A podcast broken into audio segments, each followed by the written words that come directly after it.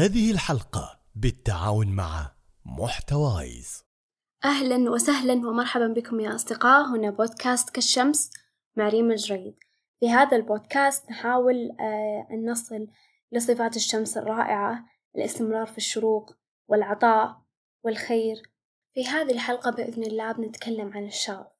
آه، هل الشغف كذبة أم حقيقة؟ كيف أن إذا كان عندنا إحنا اعتقادات معينة عن الشغف هذا الشي بيأثر علينا سلبيا للأسف. وكيف نفهم الشغف بطريقة صحيحة؟ آه، عشان نقدر آه، نشتغل ونشوف نفسنا بشكل أفضل. طيب لو نجي لتعريف الشغف يقول الشغف يعرف على أنه ميل قوي نحو نشاط ما بذاته. يستثمر الإنسان فيه وقته وجهده إيمانا منه بأهمية هذا النشاط أو حبا فيه. وتأتي أهمية الشغف بممارسة الإنسان لأنشطة معينة تعمل على تشكيل الملامح الأساسية لهويته بشكل أو بآخر. آه، شئنا أم أبينا الشيء اللي أنت تقضي وقتك فيه يشك بشكل أكبر من الأشياء الأخرى يشكل شخصيتك ويشكل هويتك بشكل أو بآخر. طيب لو نبغى نتكلم عن الشغف بطريقة علمية أكثر نقدر نقول أن الشغف يساوي الدوبامين. ولو بشرح لكم الموضوع بشكل مبسط الدوبامين آه، يشاع دائما أنه هو هرمون السعادة ولكن هذا شيء خاطئ. الدوبامين هو الشعور اللي يدفعك للبحث عن السعادة حيث أنه هو الشغف هو الشيء اللي يحركك عشان تقوم تشرب موية عشان تقوم تشتغل عشانك عارف أنك والله إذا آه، رويت عطشك بتحس براحة إذا اشتغلت بتحس بعدها بإنجاز وهكذا. في تجربة سووها على الفئران تبين أهمية الدوبامين في الجسم أن هذا الفئران الفئران عطلوا في مخها آه، إفراز الدوبامين. فإيش صار الفئران؟ إنها ما حتى الأكل ما صارت تاكل ولا تروح يعني ما صار عندها رغبة لأي شيء في الحياة يعني حرفيا بالعامي نقدر نقول إنه مات عندها الشغف لكل شيء. فلدرجة إنه خلاص يعني لو ما العلماء نفسهم صاروا يأكلون الفئران كان وصلت مرحلة إنه نحافة شديدة وبرضو آه إنها توصل حتى للموت. ليش؟ لأن ما عندهم إفراز دوبامين في المخ. يعني باختصار شديد الدوبامين هو البنزين اللي يحركك عشان توصل لمكان معين. وهو موضوع حلقتنا اليوم اللي هو الشغف. الشغف هو بس بنزين عشان يوصلك لوجهة معينة أو يساعدك الوصول لشيء معين لكن ما هو الأساس. وهنا طلع موضوع فكرة الحلقة اللي هو كذبة الدوبامين. طيب قبل ما يعني ندخل في تفاصيل أكثر عن خدعة الدوبامين أو كذبة الدوبامين نبي نعرف كيف نكتشف شغفنا وكيف يعني آه، ألقى شغفي في مجال معين أو غيره. يقول لك موقع آه، موضوع اللي هو أكبر موقع عربي في العالم كيفية اكتشافك للشغف وتنميته. أول شيء بحث الإنسان في داخله عما يحب لا عما يجيد في عمله. يعني مو كل شيء أنت ممتاز فيه ومرة كويس فيه معناته أن هذا الشيء آه، هو شغفك أو هذا الشيء اللي أنت تلقى نفسك فيه. لأنه ممكن أنت تكون كويس في شيء معين بس ما تحبه يعني تسويه كذا بس. على عكس الشغف هو تحب تسويه وتعرف تسويه. يعني مثلا أنا من الأشياء اللي خلتني أكتشف نفسي وأفتح بودكاست إني كنت دائما أحب إني أوقف أشرح نقطة معينة أو أوصل فكرة معينة للناس. فاكتشفت إن هذا هذا شغفي.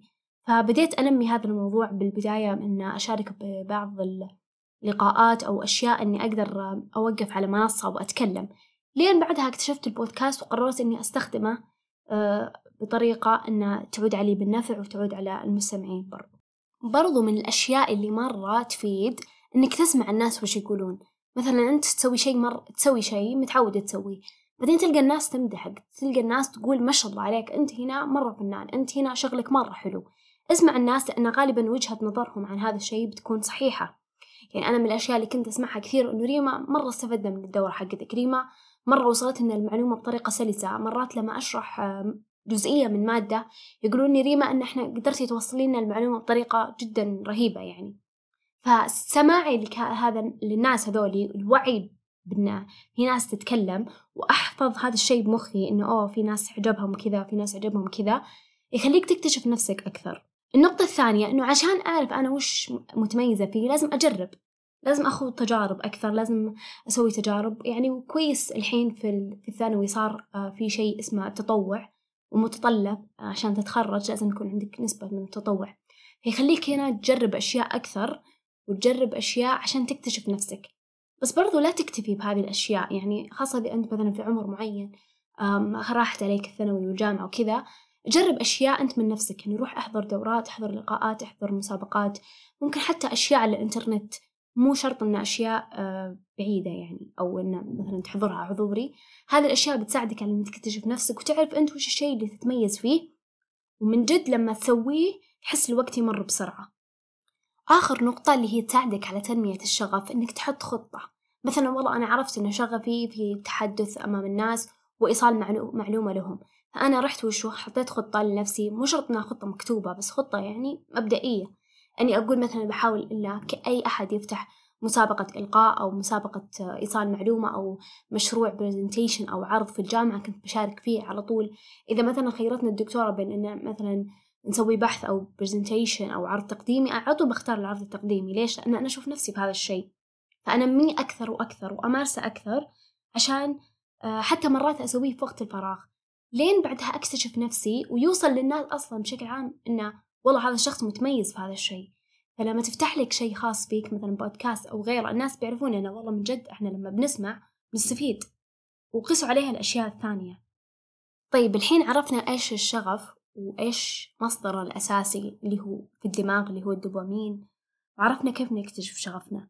طيب ليش الشغف كذبة أو الشغف مشكلة أو شيء ما يعتمد عليه دائما لأن سبحان الله الدماغ لما دائما يفرز لك شيء معين عشان تروح تسويه مثلا خلينا نجيب مثال مثلا أنت آه، أكلة صرت تحبها فمخك صار يقول لك أبغى هذه الأكلة أبغى هذه الأكلة فتروح تاكلها وكل مرة يجيك هذا الشيء الدوبامين يفرز فتروح تاكل نفس الأكلة وتروح تروح توصل مرحلة إنك خلاص ما عاد تبغى الأكلة ما عاد تبي تاكلها تعوفها ليش؟ أنا خلاص الجسم يتوقف عن إفراز الدوبامين. يعني في البداية كان يفرز دوبامين يفرز يفرز بعدين خلاص ما عاد يفرز الدوبامين. فتصير ما عندك أي رغبة لأكل نفس الأكلة.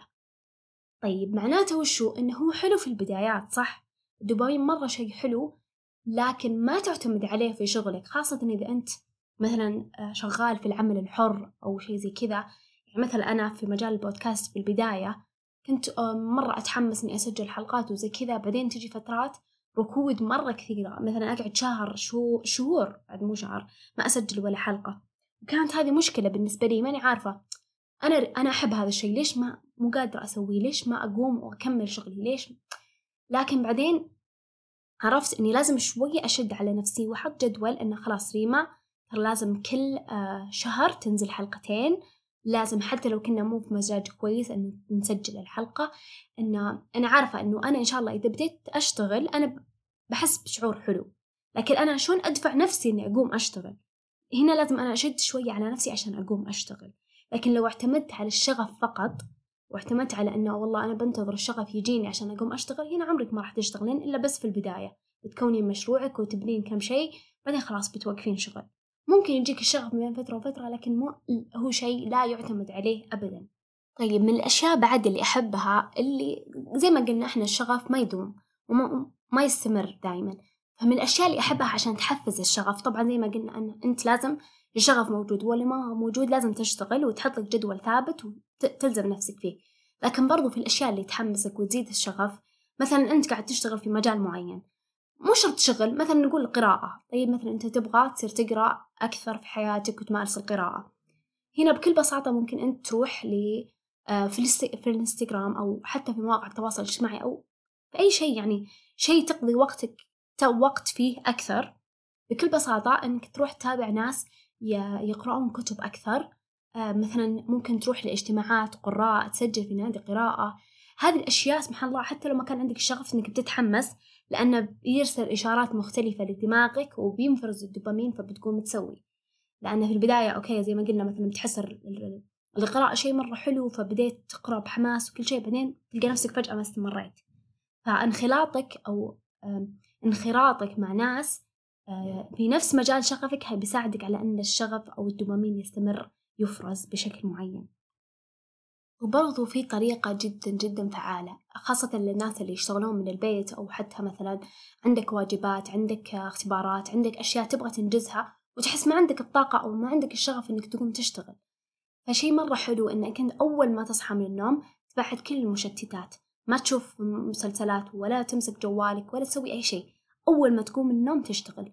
بعد ما تخلص شغلك وخلاص هنا تبدأ تروح لمنطقة الاستهلاك. إنك مثلا تشوف مقاطع تشوف أشياء تسوي. لكن خلي الشغل أول. ليش؟ يقول لك لأن أنت لما أه توقف استهلاك تقوم من النوم ما ما يكون عندك شيء تسويه. ما في شيء تستهلكها ما في مقاطع تشوفها ما في ناس تتابعهم أو غيرها. هنا مخك بكل بساطة بيقول أنا محتاج دوبامين. فيروح للطريقة الكويسة لإفراز الدوبامين اللي هي طريقة الإنجاز. فمرة حلو هذه طريقة جدا فعالة إنك أنت في بداية يومك تبدأ بالإنجاز في نهاية اليوم ممكن تسوي أشياء تحبها بسيطة مثل إنك تجلس على جوالك تراسل أحد تكلم أحد هذه تعتبر كلها من الأشياء الاستهلاكية. تقريبا كذا تكلمنا عن الشغف عرفنا أن الشغف ما هو شيء دائم لازم ننميه ونطوره ونتبع طرق أخرى جديدة على الدماغ عشان يرجع يفرز الدوبامين ونبدأ نحس بالشغف. وبرضو إن إحنا في حياتنا بشكل عام ما نعتمد على الشغف بشكل كامل لأن الشغف ما يدوم. العمل والشغل هو اللي يدوم. شكرا على حسن استماعكم. نلقاكم بإذن الله في الحلقة القادمة. لا تنسون تقييم الحلقة ومشاركتها مع شخص إذا أعجبتكم. كل الحب. مع السلامة.